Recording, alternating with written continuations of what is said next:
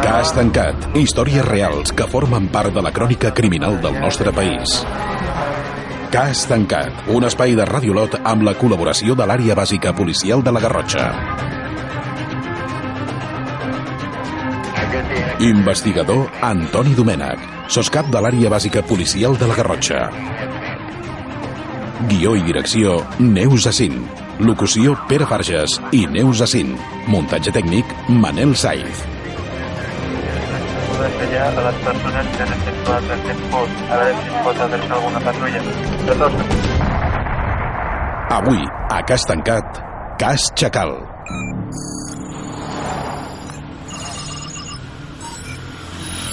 ...18 d'abril, 2002, 0058, Manresa. Dues patrulles de seguretat ciutadana estan fent un control de trànsit. S'acosta un cotxe a la primera i demana la direcció per anar a Barcelona. Uns metres més enllà es troba la segona patrulla de seguretat ciutadana que observa que el cotxe no porta les llums enceses. L'aturen i en comptes de parar, el vehicle es dona la fuga.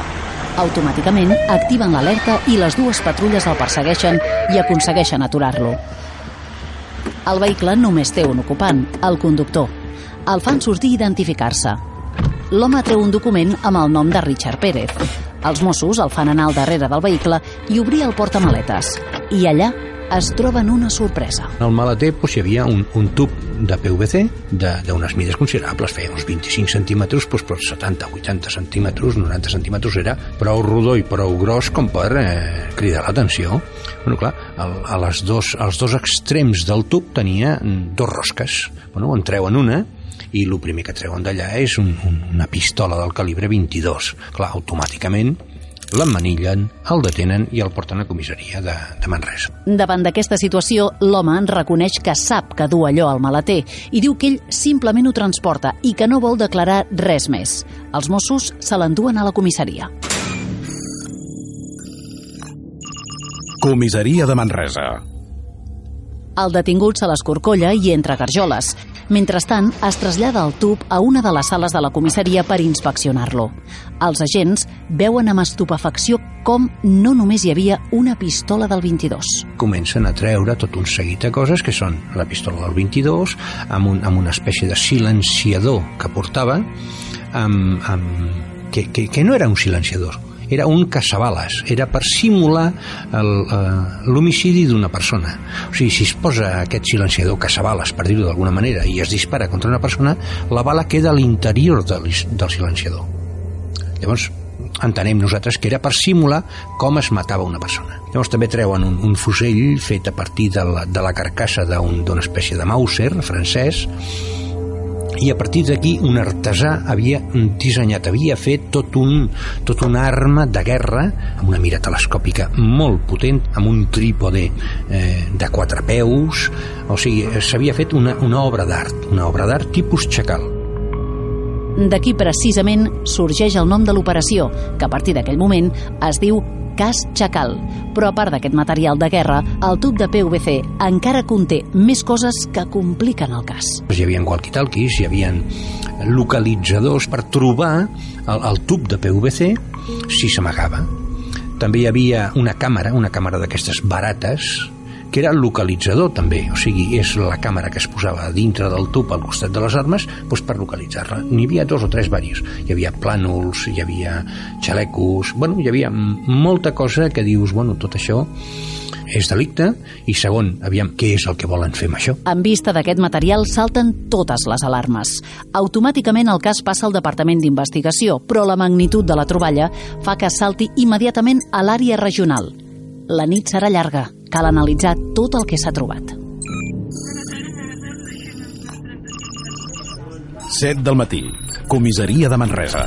La unitat central de la policia es fa càrrec del cas i l'equip d'investigació arriba a la comissaria de Manresa. Analitza el material i interroga el detingut que es nega a parlar. S'investiguen els possibles moviments del detingut i es descobreix que l'home s'havia allotjat en un hotel de la zona i que ho havia fet amb una senyora.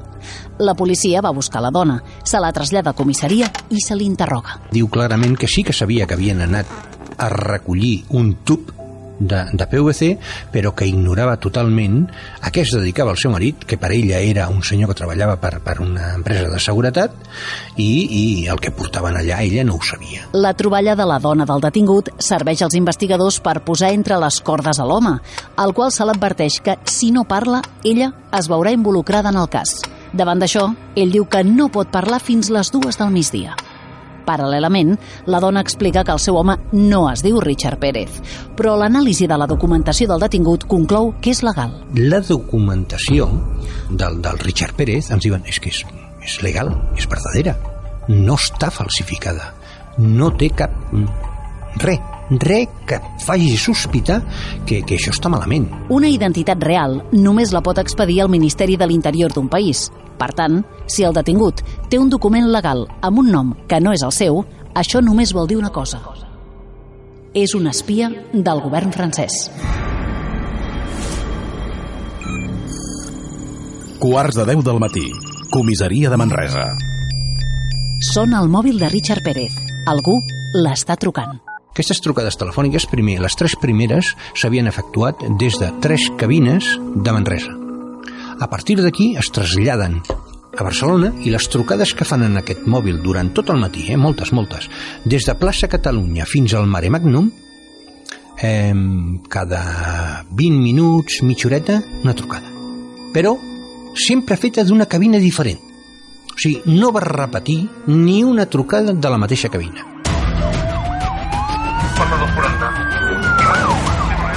Veient que les trucades es traslladen a Barcelona, els investigadors inicien un desplegament amb la Unitat Central de Delictes contra Persones amb tots els efectius disponibles i amb el reforç d'altres unitats. Es cobreix des de plaça Catalunya fins al Mare Magnum vigilant totes les cabines. Teníem molta gent, però no teníem sort, perquè nosaltres sabíem la cabina des de la que s'havia efectuat la trucada 4 minuts després d'efectuada. Clar, era complicat enganxar. Dues del migdia. El mòbil sona per última vegada. I la trucada es localitza a l'estació de Sants. Per la via 1, Catalunya Express amb destinació Figueres. Via 1. Automàticament un equip se'n va a l'estació de Sants i para tots els trens. Van regirar trens que anaven cap a França, em sembla que n'hi havia tres, dos o tres, bueno, cap aquí, cap al nord, eh, els van parar, van mirar i no van trobar res. De fet, és difícil trobar algú que no saps com és, però el detingut havia dit que a partir de les dues parlaria, i ho fa. La seva declaració corrobora el que els investigadors sospitaven. Ell és el correu d'un espia francès. Ens diu, no, no, aviam, jo treballo aquest home, fa dos anys que m'està entrenant, m'ha fet anar a tants països, aquí, allà, jo feia això, portava aquí, portava allà, sempre me'l trobava amb ell, o moltes vegades me'l trobava amb ell. Clar, ell quan em feia un encàrrec venia i em deia, puja a París. A París em donava la carta d'identitat i jo actuava com a eh, Richard Pérez. D'acord? Llavors agafava el cotxe que havia comprat ell i feia allò que li deia a l'espia francès. I si no, se n'anava amb barco. I si no, se n'anava amb avió. A determinats països havia viatjat amb avió, però com a Richard Pérez. I completament legal, perquè era francès. Richard Pérez explica això a les dues del migdia perquè el tracte amb el seu cap és que a partir d'aquella hora, si no han contactat, l'espia francès marxarà. Pérez, doncs, confessa amb la tranquil·litat de pensar que el seu cap ja està fora de perill. Ens va explicar que li havia encomanat anar amb, amb unes coordenades, primer a Salou, a hospedar-se en un hotel, i d'allà sortir i anar al Parelló, pel Parelló, al mig de la muntanya, amb unes coordenades a buscar el tub que l'havia trobat, que l'havia carregat, però com que estava la seva senyora, bueno, doncs ja van anar pujant cap a dalt, cap a Barcelona, perquè havia quedat a Barcelona amb ell, a la plaça Catalunya. I les premisses que havia rebut és compra un telèfon mòbil, un 3310. I quan el Richard Pérez compra el telèfon, clar, quan es dona la volta, es troba a l'Antoine, perquè ell el coneixia, l'espia francès el coneixia pel nom d'Antoine. Se'l troba al davant, com li havia passat al Marroc, com li havia passat a, a Bèlgica, com li havia passat a Argèlia, doncs se'l troba al davant, ja no es va estranyar. Bueno, van asseure's a, a un bar i li dona unes noves directrius coordenades, dibuixos, per anar a enterrar el tub de PVC una altra vegada. En aquest cas, a, a Manresa. Quan va acabar aquesta trobada, Richard Pérez va marxar per seguir les instruccions, però no troba el lloc que li ha indicat l'Antoine on ha d'enterrar el tub. Com que va amb la dona, s'allotja en un hotel i a les 11 de la nit rep una trucada del seu cap molt enfadat perquè el tub no està enterrat al lloc que li ha dit. L'espia francès li dona una nova ordre, portar el tub a Barcelona el més aviat possible. I aquí és quan Richard Pérez agafa el cotxe, no obre els llums i l'atura la policia al control de Manresa.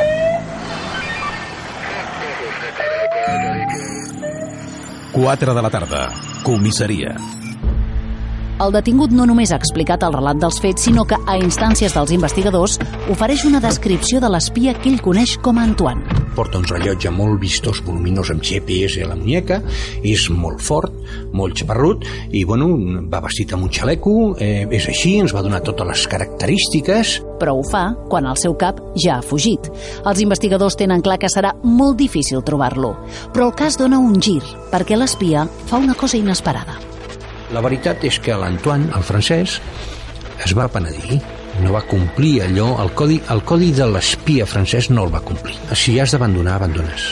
El que passa que abandonar vol dir fracassar, i a vegades costa. Clar, si tu abandones a un correu teu, tindràs que donar moltes explicacions. Total, va tornar. 5 de la tarda. Sala d'investigació. Sona el telèfon de Richard Pérez. La trucada s'està fent des de davant del Museu de Cera de Barcelona. S'activa de nou tot el dispositiu policial. Els agents, tots de paisà, se situen al Mare Magnum, a plaça Catalunya, i quatre efectius van cap al Museu de Cera. Ara ja tenen la descripció. Només cal trobar-lo. Farem rondes a peu. I de cop i volta, un dels, una parella dels, dels meus xiquets em diu mm, Toni, el tinc. De la, de la central em diuen, escolta, espera que faci una altra trucada i tal i qual, Pasqual, i aquí i allà. I jo dic, nois, eh, on esteu? Porta ferrissa i tal i qual, ara pujo. Eh, quan jo aparegui, se'l deté. Per què? Perquè jo tenia que comprovar si era ell o no. Perquè si no estaven perdent el temps. I vaig dir, actuem. En veure sorprès per la policia, l'Antoine diu que s'equivoquen, que ell està de vacances, que és professor d'informàtica a París i no entén per què l'escorcollen. Però els agents troben proves per detenir-lo.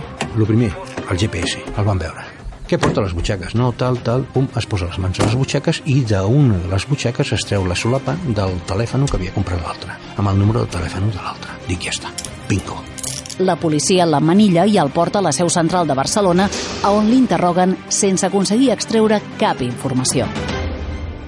La veritat és que totes les converses que varen tenir o vàrem intentar tenir amb ell van ser infructuoses. Aquest sí que realment sabia el que feia. Aquest no va dir res. A partir d'aquí, de la seva no declaració, es van acabant les diligències i es porta el cas davant el jutge, essent conscients que l'operació implica els serveis d'intel·ligència d'un altre país. Aquest mateix dia, amb la detenció de tots dos, sabent tot el que teníem, les, els antecedents dels documents que presentaven, tot el que presentàvem, tot apuntava cap allà. El jutge també ens ho va preguntar, això per on va? Li vam dir clar i català, eh, senyoria, espies francesos, o sigui, és un operatiu, una operació del govern francès. De fet, els investigadors havien notificat a la Interpol que havien fet aquesta troballa, però no havien obtingut cap resposta. El jutge, davant les proves aportades pels Mossos, tanca la presó a Richard i Antoine i els investigadors donen el cas per tancat.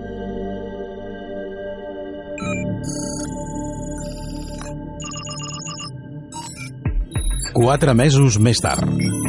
Richard i Antoine van estar quatre mesos a la presó sense que ningú els reclamés o demanés per ells.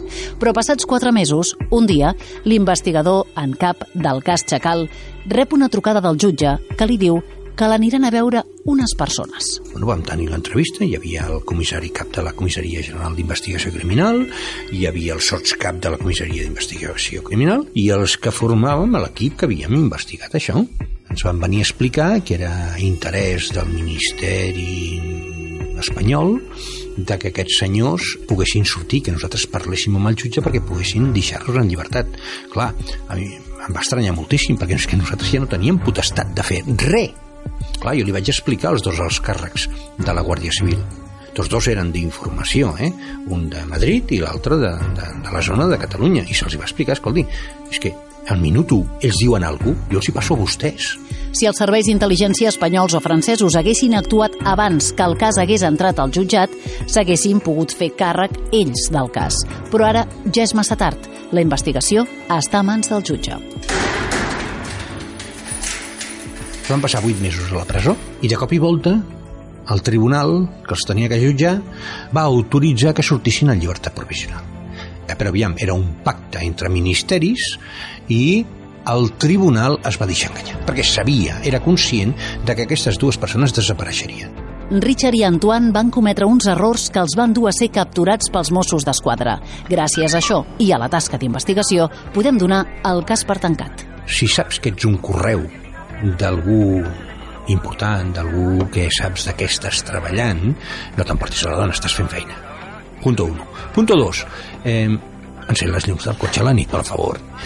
Clar, aquest va ser el, el més gran error, i és error de tonto, de no pensar-hi. Però per l'altre també era un atac en el seu currículum, allò de dir, mm, clar, l'abandono, marxo, estic a Sants per marxar.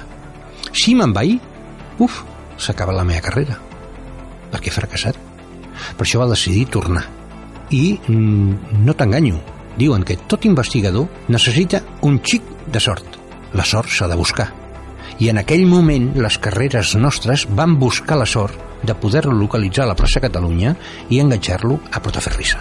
Aquest és el xic de sort que van tenir nosaltres i ells, evidentment, tornaran per aquí quan vulguin. Cas tancat.